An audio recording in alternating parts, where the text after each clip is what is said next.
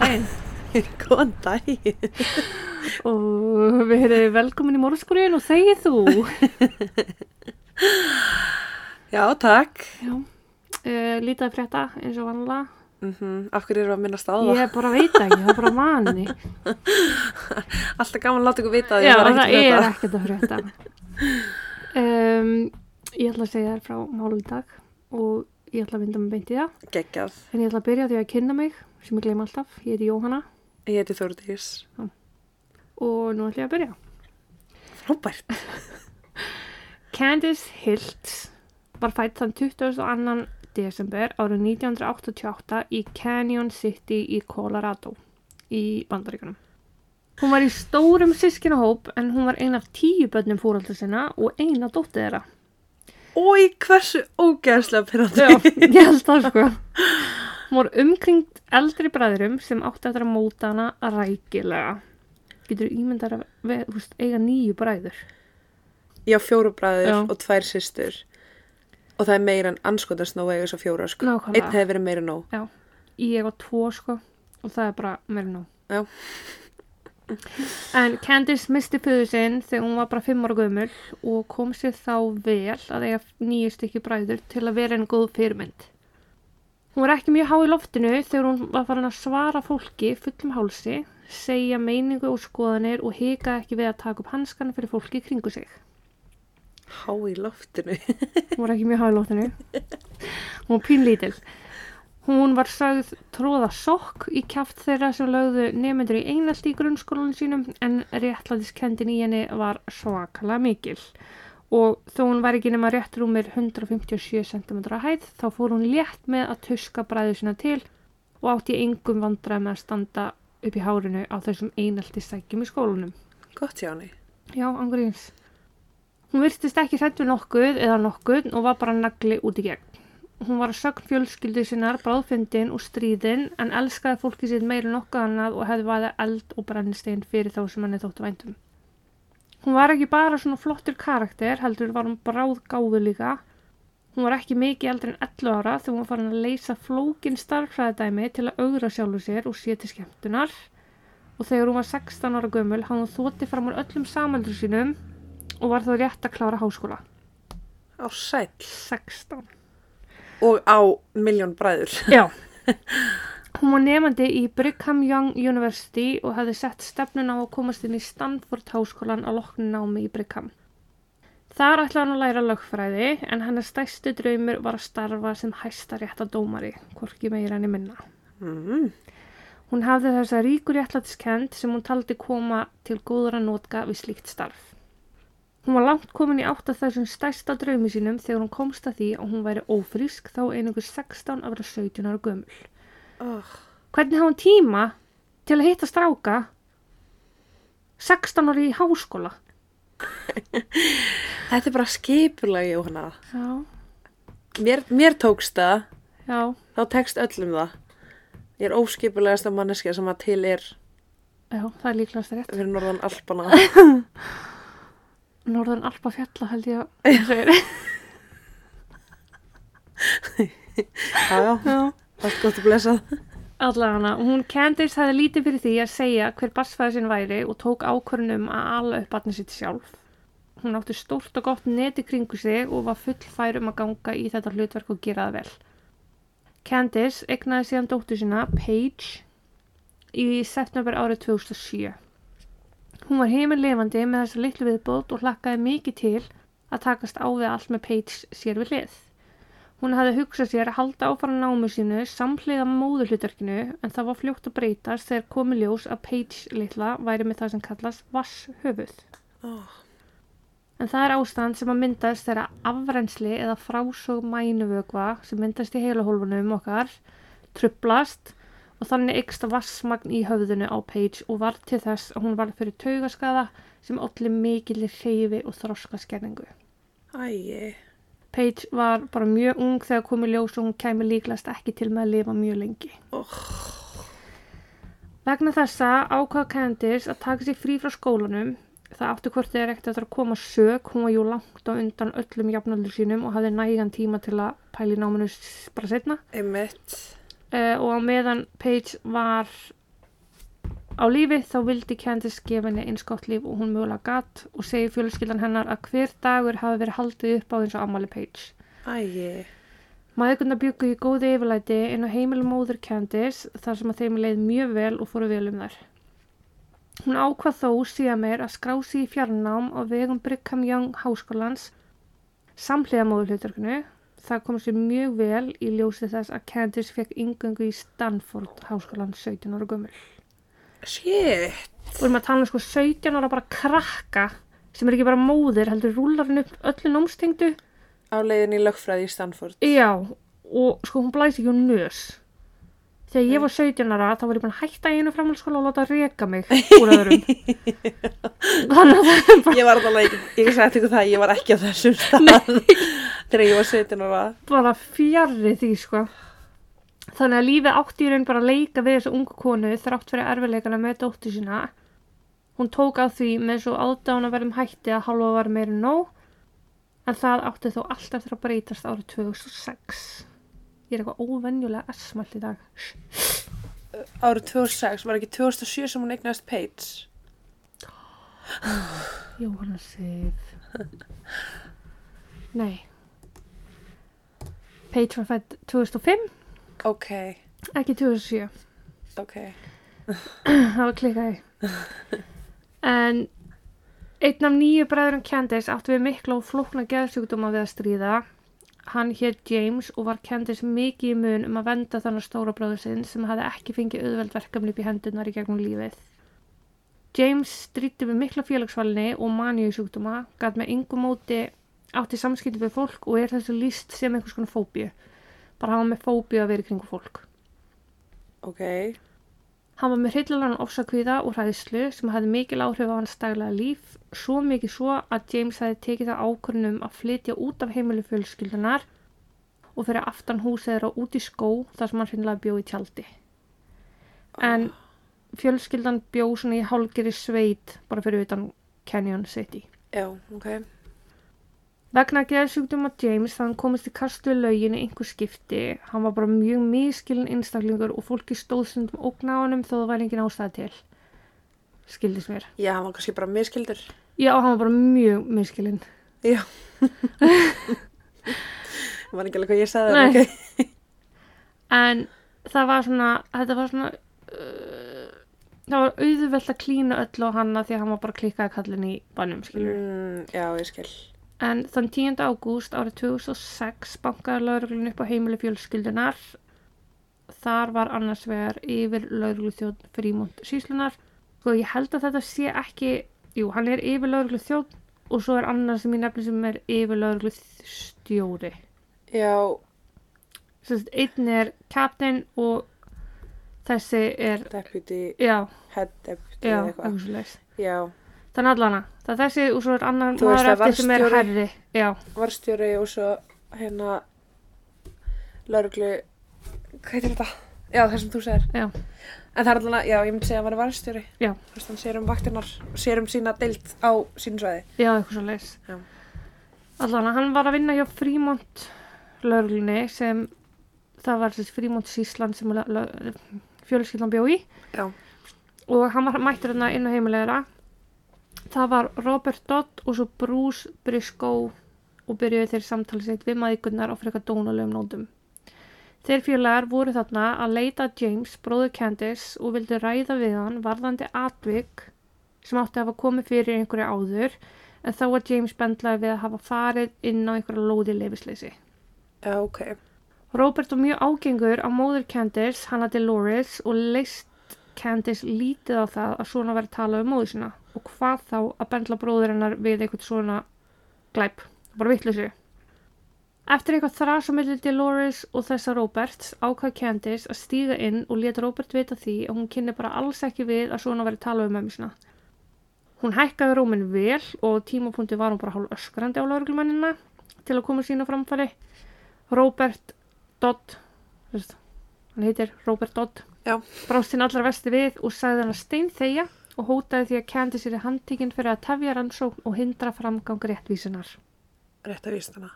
já, já, er rétt, já, rétt, já. já Candace verandi þessi litla kona með svolítið skap og óhrætt við flest manaði Robert bara til að handtaka sig, veifaði höndunum með úrlegina saman og baði hann vinsalast bara um að handtaka sig.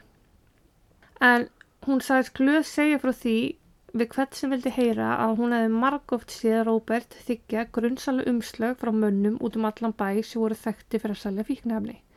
Sérst bara þykja mútur. Já. Við þetta kvektist Róbert eitthvað, hann reyttist þó líka en endaði því að láta sig hverfa en þó alveg snældu vittlust í skapinu.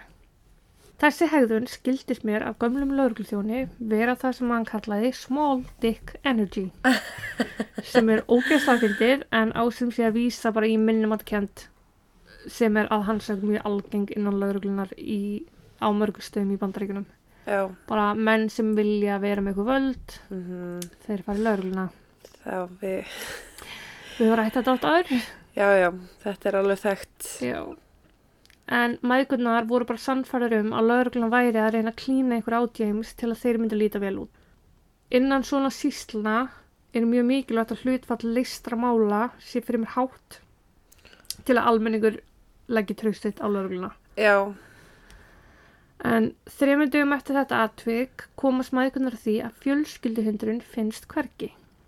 Þau byggu í frekar þjætti skólandi og því ekkert ólíklegt að hundurinn hafi orðið fyrir barðinu á einhvers konar úlf eða coyote, mountain lion, það er nefnt svona alls konar já, sem hann býr í skóginum. Candice fannst þetta samt of tilvíluna kent til að geta staðist. Það leitaði og leitaði hundinum og ekkert kom úr því og þær þurftu því að sætta sig við það með trega að hundin sæju þar sjálfsagt aldrei aftur. Candice ákvaða að fara nýra á lauruglustöð að ganga á lauruglumennina sem höfðu heimsótt maðurna nokkur dögum áður.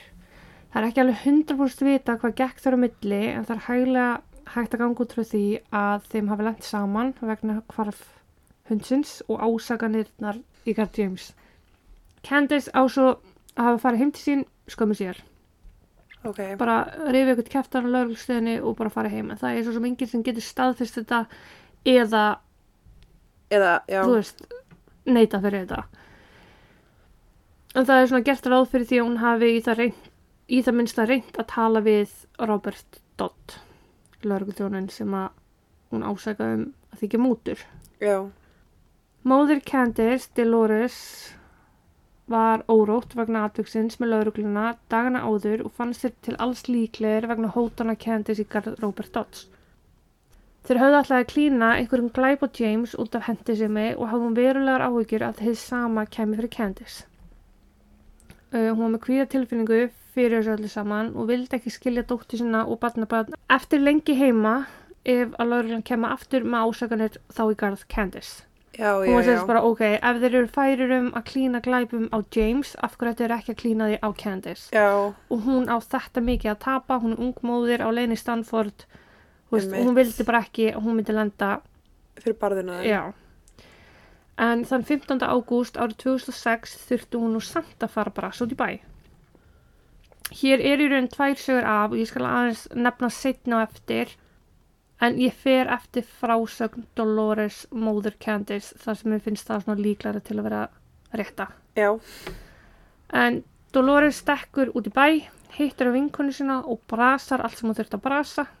Hún á að hafa hirt í nágrunn sínum með að aðtöða með mæðgunar Candice og Paige sem voru eftir heima en nágrunnin hafi ekki gert það.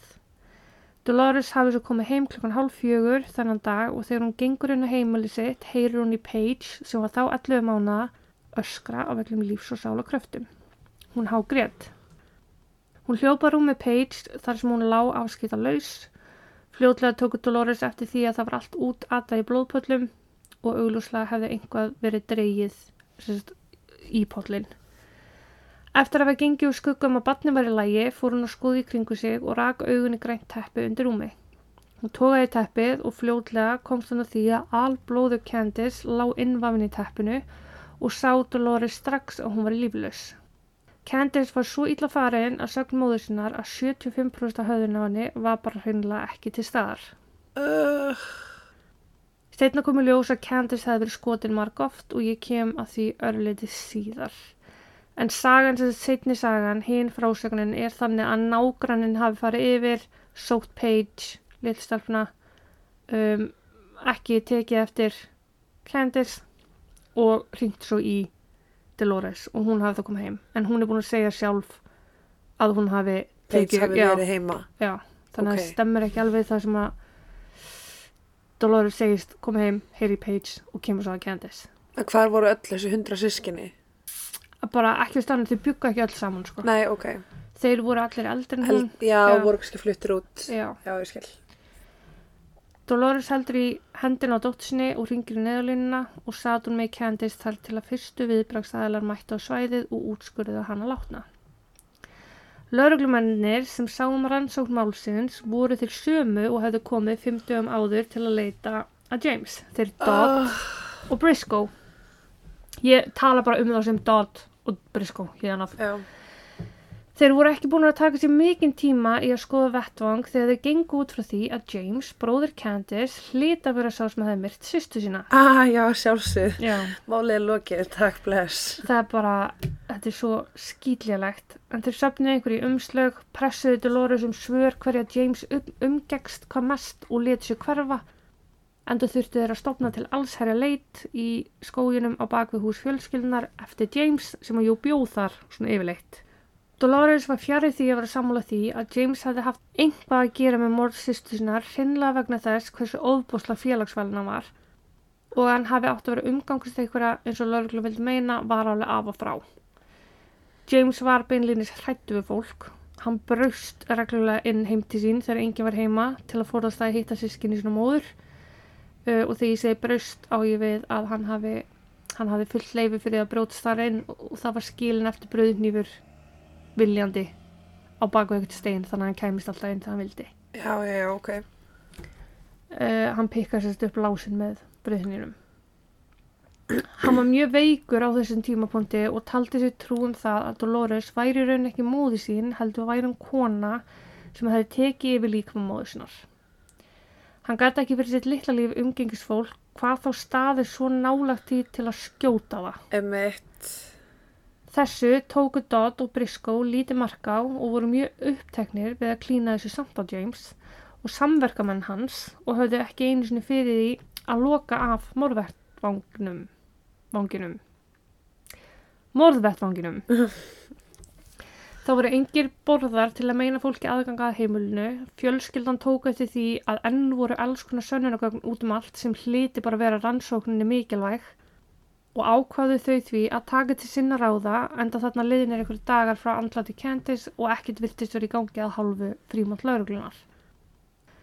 Sangot podcasti sem ég hlusta á hefði eitt bróður Candice verið í einhvers konar áfanga í skóla þar sem hann læriði um glæpa vettvangsvinnu. Og þau ákveðu því að gera það sem að bróðurinn hefði lært.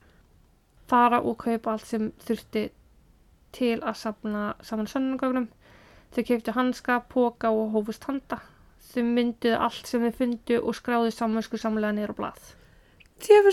Já. metnaður.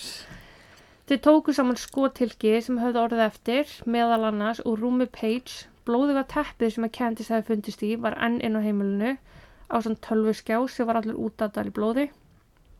Uh, tölvuskjánin hefði verið notaði til að smegja undir rúmið til að koma Candice þar fyrir. Þannig að á honum hefði mögulega getið verið fingraför á svona blóðum hangklæðum sem var útilokað að Candice sjálf hefði getað meðhöndlað en það var hún látin og því alla líkur af því að gerandinn skástari gerandunir hefðu verið þeir sem að handlíku hangklæðin. Já. Fyrir utan húsið fann svo blóðugu bólur sem að Candice hefði átt og verið í daginn sem hún var myrt. Hún hefði ekki getað fært hann þangað sjálf, þannig þriðja sönnungagnið sem morðingin hefði líklega snert og lauruglan tók ekki með sér. Mm, flottir. Já. Dodd og Briscoe voru ekkert nýjir starfsmenn lauruglunar, þeir voru vel sjóaðir báðið tveir og átti ekki að geta klúðra svona rannsókn óviljandi.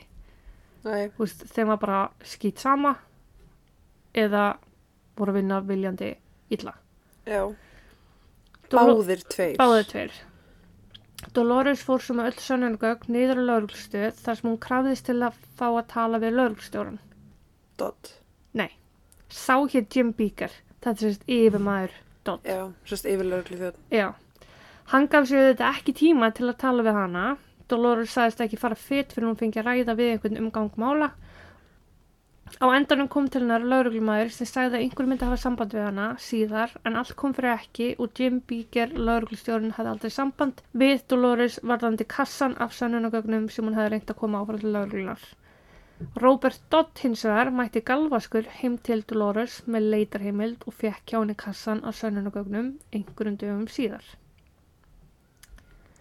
Að fá leitar heimil til að fá Mhm. kassan í hendurnar þegar þú ert lauruglumæður og ætti frekar að fá, eða þú veist, Þau hefur bara að taka við þessu strax já, en það er svona eins og hann hefði fengið fregnir af þessu og bara "Jú, ok, ég fer að sagja þetta.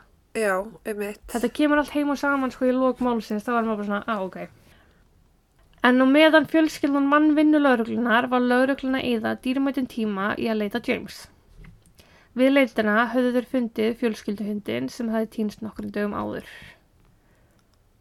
Ég ætla að setja triggervarning fyrir þig. Æ, ef þú ert að fara að segja mér að við erum búið að skjóta hundin, eitthvað verra. Hættu þessu. Hundurinn var bundið við tré og hefði verið hogginn margsinnis með einhvers konar exi og var því dáin. Er það grínast? Nei. Spurningar vöknu hvort að dráp hundsins hefði verið svo að morðingin hefði getið komist inn í húsið án þess að hundurinn myndi styrlast eða hvort að einhver hefði drepið hundin bara til að vera vondur við fjölskylduna. Mm, sko, til að drepa hundin þannig að komist ekki, þannig að maður, eða einstaklingur komist inn í húsið, Mm er svolítið fullant gengi að fara að við, eða setja við tré og höggvan, Já, líka þremi dögum áður, sko. einmitt, þannig að ég myndi frekar segja að þetta væri eitthvað, einmitt, Já. árás á fjölskylduna Mm og taka það út á dýruna sem getur ekki svara fyrir sig. Já, og hundar, hundar eru góðu alla. Áfram voru lauruglumennir Brosko og Todd alveg fastir á því að James var svo seki í málunu. Hann átti að hafa drepi fjölskylduhundin, hann var með stöðu grunast allan tíman í morðið sýstusinnar og gáði þeir yfirlýsingu út þess efnis. Þeir sögðu að leit var í gangi og ef fólk segja hann á ferð ætti það að vara sig á honum þeir töldu hann vera vopnaðan einni ef ekki tveimur byssum og því stór hættulegan. En ástæðan fyrir því að þeir töldu James vera vopnaðan var svo að Candice var skotin sexinum í höfuð og einu sinni í brjóskassa. Það er reyði. Já, og það sem meira er, hún virðist hafa verið skotin með þremur mismunandi skotofnum af þremur mismunandi stærðum og jafnvel tveim ef ekki þrem gerundum. Þannig að hvernig gætt James, já, ég kem við það ræði eftir, en Hann og vinnir hans, mannstu. já, hún hlaut eitt skotsár beint í andlitið með einni tegundabissu, fimm skotsár aftan á hnakkan með annari tegund og svo síðasta var skot í bringuna með þriðju tegundabissu. Var eitt skot ekki nóg? Nei. Og allar voru þær að mismunandi kaliber, þannig allar af sikkur stærðinni. Kúlunar. Í ljósi þessa var talið að gerendörnir væri tveir jafnvel þrýr. Ekki nema einhver hafi mætt með þrjálbissur og hlaupir hringin í kringum hana á með tíma og skotið. Einmitt. Þetta stemdi enga veginn við félagsvalina James að það væri einhver sem hann hefði hreinlega getað gert korki einn eða í samflóti með öðrum því hann gati ekki fyrir sitt litla líf umgengist annað fólk Einmitt. og þó hann hafi verið þetta veikur að geði þá átt að nákvæmlega enga sögu um of- ofbeldi korki við ókunna eða fjölskyldunni sína því enn og aftur hann var ekkit fær um það að vera kringu fólk Mm. þú veist hann vildi bara vera afskita laus það var svo 18. ágúst sem að James fannst. Hann hafði fundist í fjöllunum söðaustan við Canyon City þar sem hann var að koma sér fyrir í tjaldinu sínu. Þar var hann aðleitt ekki minn einn skotvopn eða vopna neitni sort meðferðis og var bara að chilla og lifa því lífi sem hann hafði lifað fram með þessu. Þrátt fyrir að vera eini grunaði í máli Candice var hann ekki ákjörður fyrir morð. Hann var þó ákjörður fyrir innbrot fyrir að vera inn á yngalóðum og svo eigna skemmtir eða eigna spjöll. Og fyrir þessi ákjörur sem varða bara að taljast frekar smávægilegar var James í gæsluvaraldi og lausnagjaldið hvorki meira enn minna en 500.000 dólarar. Já, sa... Sem er bara ógæslega mikið fyrir svona litla glæpi Já. sem voru ekki einu sinni neinar almennilega sannanir fyrir. Nei, þetta var ekki einu svona ofbeldsverk. Nei. En hann, og hann stend, hann, hún stafir ekki neinn ógn Mm -mm. Þú veist, verður hrættur um húsið þitt en þú ert ekki hrættur um sjálfa þig, en hann var í grunninn ásakaður um að, að hafa brot sinna heimili og stóðið og stólið þaðan vasaljósum.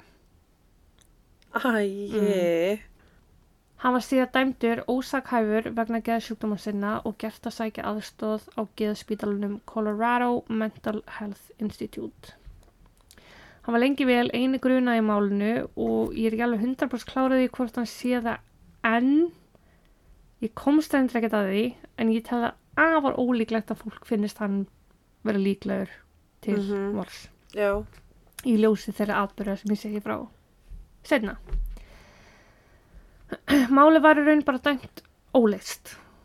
James var aldrei ákjörði fyrir morðið, hann hjælt samt áform að vera einu grunaði og máli var ekkert skoðað af lauruglu frekar því þau voru svo uppteknir af því að James var í segur. Dolores Greið, mamma Candice, reyndi auðvitað allt sem hún gaf til að fá málið kyrt áfram og sækja einhver réttlæti fyrir dóttur sína því það var svo ótrúlega maður skríti í þessu öllu saman. Hún ákvað því fimm mánuðum eftir andla dóttur sinnar að senda inn formulega kvörtun til Attorney General Office um að málinu hafi verið klúðrað. Ég veit ekki hvað Attorney General Office er. Saksóknari. Er það bara þannig? Já. Stærsta vandamáli í augum hennar var auðvitað vinnubröð lögreglunar, arfaslög vinnubröð, sönnunagögnin sem þau skiluð af sér til þeirra virtu sum ekki vera til lengur. Krupningaskíslan var 11 blað sína löng og kolrung að mörguleiti. Um, sumt var rámt og annað var Dolores bara ósamála. Já. Samkvæmt krupningaskíslunni hafði kærasti Candice komið að henni, tekið batnið, farið með batnið til eiginkonu sinnar. En Candice átti engan kærasta og heldur betur engan kærasta sem var giftur annari konu. og það var mammenar sem kom að henni. Já. Dolores heldur að dótti sín hafi orðið fyrir skotum að tvennskonabyssum, ekki þrennskonar, eins og krupningaskíslan segir til um, vegna þess að þegar hún og hennar voru að safna saman sönnunagögnum þá sáu þau bara tvennskonar skotilki, ekki þrennskonar. Já. Það geti líka bara hafa verið tilviljun en hennar meining var bara ef þetta tvent var ekki á hreinu, hvernig er að treysta á allt annað síðan hreinu? Já, mitt. Hangklæðin sem hún hefði komið með þessi með blóðinu tekin voru DNA síni af þeim og niðurstann frá því var að DNA væri til staðar og frá óþægtum kallmanni. Ef að James hefði raunverulega myrt sýstu sína hefði væntalega komið upp einhvers konar samsörun enda áttu þau sem fóreldra. Já, ég mitt. Og þrátt fyrir allt þetta þá því miður gekk lítið hjá Dolores að fá einhverju réttlæti framgengt og varð málið óleist og skeitkalt. Dolores fannst hendur sína bara bundnar því henni grunaði að lauruglan væri eitthvað tengd andlatur á einhvern hátt að þeir væri í það minnst að hilma yfir þetta og hún var því fann að hafa áhyggjur af öllum sonum sínum. Já. Að einhvað kemur fyrir þá ef hún heldi áfram að grafi málið. Hún sagði að ef einhver getur skotið 17 ára stelpu sem er bara bann sjö sinnum með öskrandi og grátandi unga bann inn í herbygginu myndi hinn sami ekki híka við að gera það aftur Mhm. hvað þá við kallmenn, Já, nákvæmlega. þú veist, eldri menn. Hún einblindi því á að upp dóttu dóttu sína, Paige, og halda áfram að gera líf hennar eins gott og hægt var. Hún gerði það svo sannarlega en því miður, sex árum eftir að Candice var myrt, lést Paige. Æ. og það var bara eitthvað, þú veist mamma hennar sagði eitthvað, þú veist, ég veit á allan núna að þau séu saminuð með hundinum Ó, með hundinum. Hættu. það var svo í desember 2016 Mhm. tíu árum eftir sem Rick nokkur Ratslav Mm. segja þetta ekki eftir var mættur á geimslu uppbóð á vegum Dawson Ranch geimslusvæðisins en þar var hægt að kaupa geimslur sem upprunalegu eigundur höfðu trassað á að greiða fyrir Ó, ég elska þessa þætti. Já. Hann var svona ágætur góðkunningi lauruglunar í gegnum tíðina, var svolítið svona erilsamur og hafði rekið augun í laurugluljós inn í einni geimslunni sem var upp á því. Mm. Hún er langað að sjálfsögðu í eitt slíkt, hún er langað að prófa það, augra þegar maður getur og svona og bauð í geimsluna bara eitthvað smottur í. Úrvarð að hann vann geimsluna og borgaði fyrir hana heila 50 dólara. Mm. Ég myndi alveg kaupa geimslu fyrir 50 dólara sko. Ok, Maður enda potið til pluss.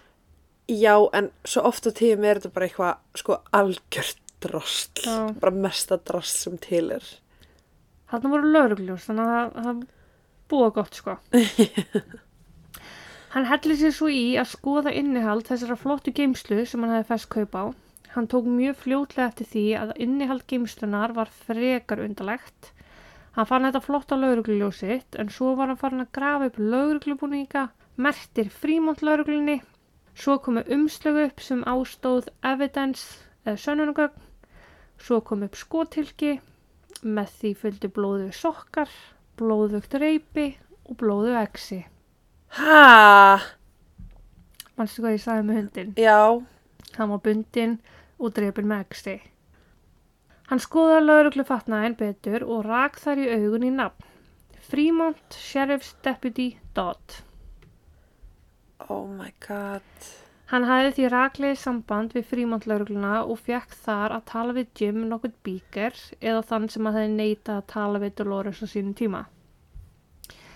Jim vildi fá innihald geimslunar strax. Það var ljóst að þarna væri, að ræð, væri um að ræða sönnunagögn úr morðaransókn. Jim spurði Rick hvort hann geti nálgast innihaldið sér fyrst og Rick sagðist bara ekki alveg vita almennilega. Jim sagði hann þá að lífið hans geti verið í hættu ef hann ekki skildi gera það en útskýrði ekkert frekar af hverju svo væri. Ertu að fara að segja mér að Ríks er dreipin? Nei, Ok. það hefur verið gott plottvist. Mm. Þeir semja um að hittast í geimslunni og Rick leist ekkert alltaf vel á þetta. Hann fann skýta litt að þessu, þannig að hann fekk konun sína með sér til að vera á staðunum og laumast til að ná hljóðupptöku af öllu því sem myndi ganga á. Sem er bara mjög sniðut, mæl með. Way to go, Rick. Uh Á hljóðupptökunni má heyra Jim, þetta er samt ekkert mjög merkileg hljóðupptaka sko, en á hljóðupptökunni má heyra Jim vera eitthvað að velta þessu fyrir sér. Hann spyr út í það sem að Rick hefði tekið úr geimslunni, kona Ricks segir að þetta líti nú allt frekar grunnsalega út, þetta hafi ekki lent þarna óvart, það er búið að ganga mjög vel frá þessu öllu sem fannst, þannig að það er ekki þess að ykkur hafi Henti sinn. Rænti svo hendi sinn. Jim reynir að fá þau til að gefa sér það sem var inn í geimslunni af sönnunagögnum og ef að það myndi ekki tengis málunni þá myndi bara skila því aftur og þau hjónin eða svara einhver hvað það varður og einblýna frekar á bara af hverju eru sönnunagögn úr einhverju máli í þessari geimslu Já. og geimslan var náttúrulega í eigu Robert Dodds og Jim er bara eitthvað já, þetta er allt mjög skrítið, mjög skrítið Mm. en er bara svona tiplum til tánum í kringum þetta Jim spyr svo hvort að megi ekki bara taka þetta allt saman hvort að Rick telji einhvað verðmætt í þessu hvort er Úst, hann, hann er bara eitthvað er einhvað hérna inni sem, þú að þú getur grætt á sem þú tapar á ef ég tek Lörgljósin. Og samtali endar í raun bara á að Rick og konan segja bara, þú veist, heyrið, þeim er bara fara í gegnum þetta we don't care Oh. Reipið og exin sem fannst var líklegast það sem var notað við að drepa heimilsindin og blóðu sokkarnir voru sokkar sem að Candice var í þegar móðurinnar fann hann að látna. Þannig að það er skrítið að þeir hafi Endað alltaf á farið sama af stað. líkinu inn í ykkur geimslu. Já, og líka bara sko, lauruglubúningurinn hans, hans Dodd. Mm Þú veist, voru blóðslettur á honum. Nei, það var ekki neitt svolítið og það er held ég ekkert skoðan í traukaraldi. Að því að, ég kem aðeins betur eftir, ég ætla ekki að spóla þið núna. Jim gerði nú heiður rétta og hafði samband við Colorado Bureau of Investigations til að málið yrði skoða betur. Þannig að hann tilkynir atvikið. Ok. Maður hefði haldið að fjölskylda Candice hefði verið látin vita þessum fundi strax en svo var aldils ekki. Þau fréttu þetta í gegnum fjölmela eins og allir aðri íbúar Colorado. Uh, Dolores var í bland glöð en sári við því að það sem hún hefði haldið allan tíman væri jafnvel rétt. Aðlauruglan væri viðriðin málið á einhvern hátt en henni var létt hún bjústi að sonur hennar er hreinsaðar af öllum grunni kjölfarið af þessum geimslu skandal. já. Hún sagði fjölumila að í bestafalli hefði lauruglan bara innan geðslapa klúðra rannsókninni en í vestafalli væri þeir tengdir málinu. Já. Hún sagði að lauruglumæðurinn Dodd hefði þurft að stela öllu því sem að fannst í geimslunni úr kjallara byggingu lauruglustæðurinnar og hann hefði nú líklegast bara gert það ef hann sjálfur hefði eitthvað að fela eða væri að fela eitthvað fyrir einhvern annan. Mhm. Dodd var sendur í launað leifi í kjölfarið af þessu öllu saman og rannsókn hóst. Rannsóknin var frekar hæg í ljósi þess að þetta var ofbúslega vand með farimál og þurfti að gera hlutina afskaplega vel og saksóknari sagðist ekki geta gert neitt í málunum fyrir en allt var fyllilega rannsakað. Já. Sem er bara, þú veist, eðlilegt finnst mér. Já, já, já. Almenningur var alveg bandvittlu þegar þetta allt kom í ljós og tröst á lauruglunni mjög lítið í kjölfari. Fjölmiðlar báðum að gögn eruð ofinberuð, krupningarskíslan sem var reyndar ofinberuð á endanum og svo símtalið til neyðalínunar á samt fleiri gögnum og því var auðvitað neytað vegna þess að rannsóknin á morðinu á Candice var ekki lokið. Já. Hún var ennþá í gangi þannig þannig lagði séð, Það er eðilegt rannsókn eða þeir eru síðan fundið Já. seka aðalann, sko. já og það var rauninni bara uh, a danger to the investigation að Mm leysa þetta allt út. En þegar þetta kemur upp fer ákveðin bolta að rúlla og sannleikurinn um starfsmenn frímantlauruglunar fór að koma ljós. Briscoe sem að kom með Dodd til þess að drulla yfir James og ámorðvættvang Candice var einnig sendur í launaleifi eftir að uppkomst um að hann hefði einhvað verið að dandalast utan í stúlku undir lögaldri mörgum árum áður. Hann hefði verið að starfa í svona prógrami sem var sett upp fyrir ungt fólk sem að er að slýsast út á réttir braut. Mm. Þetta er bara forvarnastarf sem að lauruglega sindi hérna áður fyrr og hafði briskó og dandalast eitthvað utan í einum nefandi sínu þar. Bara að klassa ógeð. Mm Ákveðið var þó að ákjæra briskó ekki fyrir þetta og var hún hlift aftur til starfa. Ok, af hverju? Bara ekki hugmynd. Dodd var hins vegar ákjæður fyrir misferðli í starfi og misnótkun á ofinbrugögnum í byrjun mæ 2017. Þá hefði hann farið á eftirlaun nokkrum vikum áður. Þannig að bara saved by the bell að þú veist. Hvað var Dodd gamall? Ekki Ef hann fór í eftirlaun, á eftirlaun. Þú getur farið bara svona venjulega á, þú getur bara retirement. Þú veist tvítur á. Nýja, eftir að þú er búin að vinna eitthvað.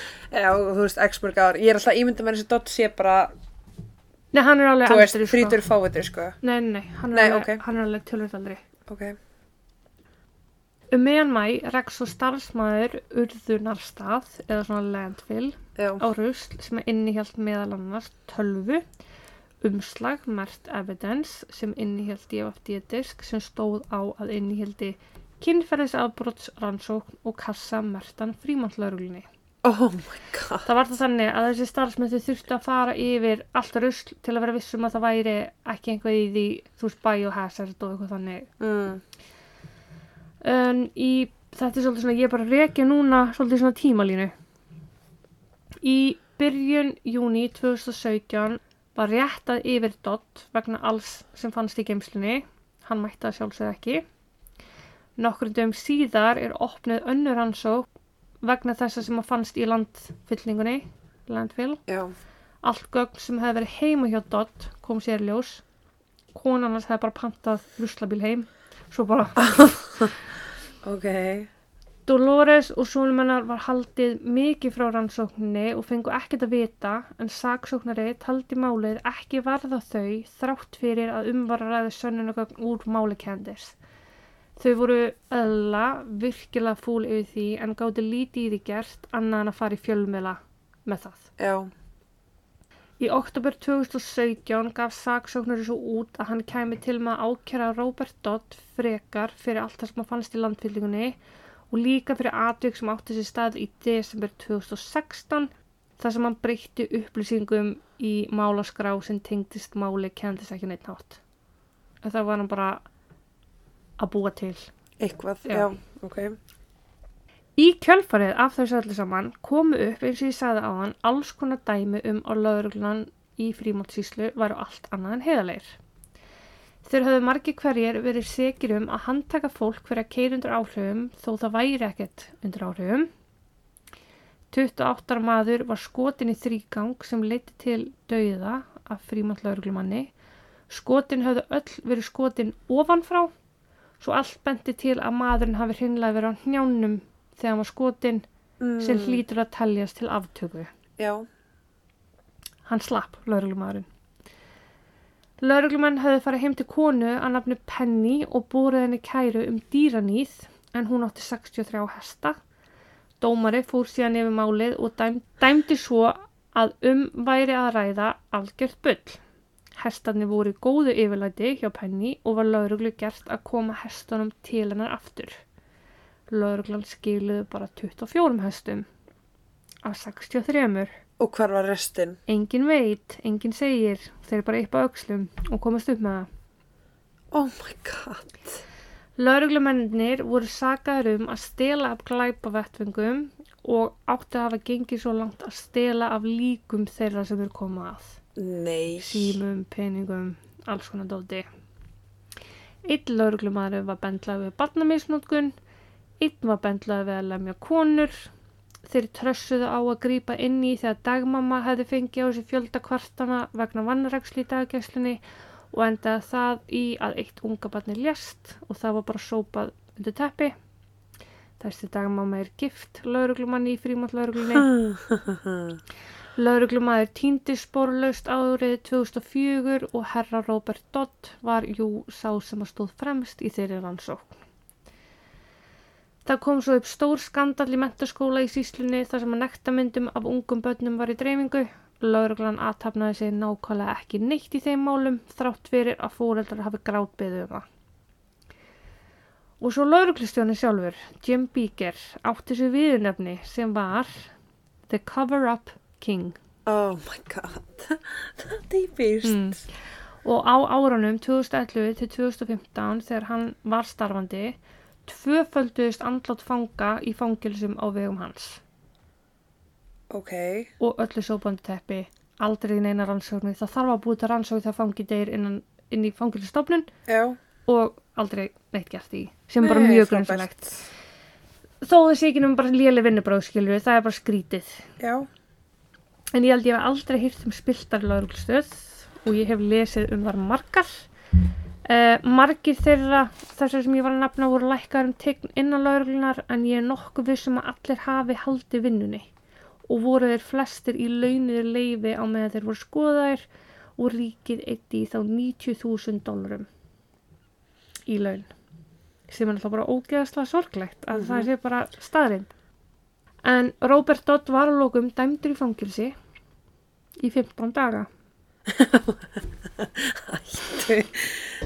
Hættu. Nei. 15 daga fyrir hvað? fyrir sagt, þetta með Sönnagögnin gemsli. já, Ok, vá. hann gaf einhverju auðmyggilega afsökun um að hann vildi ekki valda frímátt lauruglunni meira vesinni eða skattgreðendum ástæðan fyrir því að hann hafi verið með öll sönnunagögnin heima nei, í geimslunni fyrir ekki, hafi verið að því að hann vildi taka þau með sér heim upprunalega til að skoða þau nánar og taka myndir af þeim og skrifa nákvæmari skýslu. Mhm. Hann hafi svo bara verið með þau heima hjá sér ár eða þar til hann flutti og hafi þá farið með gögnin í geimslu en ekki aftur nýra lögulstöð. Ok, því það var umlað stittra þangað eða? Já, ég er sko hissa að það heyrist ekki í okkur ákvæmlega. en morðir á Candice er enn óleist og bróðurnar, hann er reyndar held ég ennþá eini óbumbarlega grunaður um verknæðin. Ok, en þeir eru með Karlmanns DNA sem er ekki tengt við bróðurnar. Af hverju er ekki búið að bera það saman í gagnagrunni lauruglunar? Sko, kemur þessi smá eftir. ok. Kenningarnar eru þó eftirfærandi að Candice hafi verið myrta handahúfi, að einhver hafi bara labbað inn og drepið hana, geta alveg gæst, en mjög ólíklegt, maður hefði kannski tengt að við rán, frekar en ekkert, en ekkert var tekið af heimilinu, þannig að mér finnst það bara ekki meika sens. Hún líka skotin, sko, hvað, fimm sunum? Já, nei, sjösunum. Sjö sunum, þannig að það er meira reyðið gagvart einhverjum heldur en rán eða annað. Emmett. Sumir vilja svo meina að Bassfær Candice hafa haft eitthvað mál, með máli að gera, að hann hafi ekki vilja batnið, að hann væri eitthvað reyður út í hann að fara við eignast batnið og þar framöndu gautunum, en ef svo hefði verið, hefði fjölskyldan hennar líklegast ofinbæra nafnið á honum og líst yfir áhyggjum sínum ef svo væri. Ok, og sorry, hefði hann þá ekki drepið badnið frekar? Eða bara okkur að býða með það í allu mánuðu, svo allt í einu. Emitt. þú veist en svo þriðja er að bróðurinnar hafi í raun myrtana þannig að ekki að það sanna og ekki að það afsanna það en þannig að talið að tveir ef ekki þrýr hafi myrtana Já, og hann á erfitt með að vera í kringum fólk þannig að mér finnst það mjög hæpið Já, en svo er það lögreglan frímont lögreglan. En því ég haldi fram að máli sé allavega einhvern veginn flétta við þá. Robert Dodd bendlar James þarna við allt saman eftir að hafa rifist í Candice eftir að Candice hótar honum að openbera að hann hafi þegi mútur. Mhm, og svo átti eitthvað samtal við hann sem enginn veit hvað snerist um. Nei, allt sem fann svo í geimslunni hjá Robert er ekki hægt að nota við réttröld því þar er hægt að halda því fram að sönnurinnagögnin séu menguð. Já, spil, já, og því ekki hægt að nota því fyrir dómi. Heldur að Robert hef ekki vitað það. emitt, lögreglumæður í þetta mörg ár, Já. jú, þannig að mínir peningar eru álökunni að þeir séu einhvern veginn tengdur þessi ef hann var að þykja mútur þá fjandil hafa það þá lítur hann hafa þekkt fullt af fólki sem getur græða þetta fyrir hann. Emitt, James er ennþá inn að geða spítala en hann endaði á að fá viðingandi aðstóð og er miklu betri til heilsuna í dag. Hann starfar innan spítalans og í hvers skipti sem hann reynir að komast að hann. Uh, ásett samtal við áfrýjunanemnd þá mætir frímantlauruglan og minnir á að hann sé sko eini sem er með stöðu grunas í morðin á sýstinni og er því alltaf neitað. oh, En mér skilst að hann sé þar í dag bara sem eigin vegum og líður vel að geta miðlað reynslu sinni áfram til þeirra skjólstæðingar sem eru innan á, á þessar stofnun. Og þannig bara var það. Spilling, spilling, spilling. oh my god, Robert, ég er að horfa á þig, Ángríns, hann er einhvað, þú veist, þeir eru einhvað tengdur þessu. Það er bara of mikið af skítum þótti til að, mhm, nei og líka bara, þú veist, bara það að þetta drasl finnist í einhverju geimslu með hans það bara búning, yngar, nei, hann átti, það var bara staðfest, hann átti þessa geimslu. já, var þetta ekki lögreglu búningurinn hans? Jú, lögreglubúningun hans líka inn í Já. hans geimslu. Já, ég er, já, ég, veist, já. þannig að það er bara það bendur allt á þig og allir bara ha, býtu hvar ég sé ekki neitt Ég líka bara að þú veist, ok, sorry félagi, en að þú ert að gera eitthvað svona, hvernig gleymur því að borga fokkin? Já, Þannig að hún endi ég upp, í einhverju uppbóði. og þú ert að þykja mútur þú verðist alveg hafa sko. Einmitt. hann að, Oh my god. Og ég bara, ég ætla aldrei að fara þangað.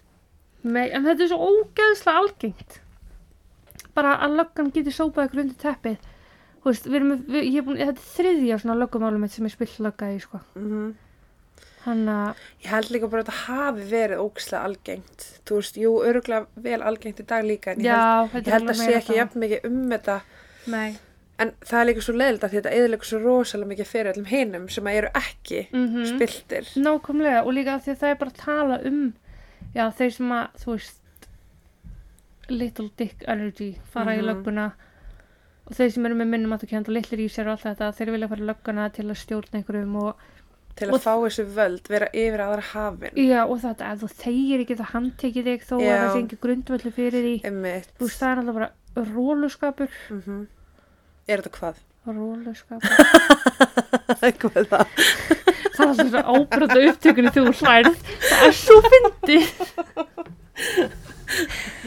æjæjæj Já, róluskapur. Já.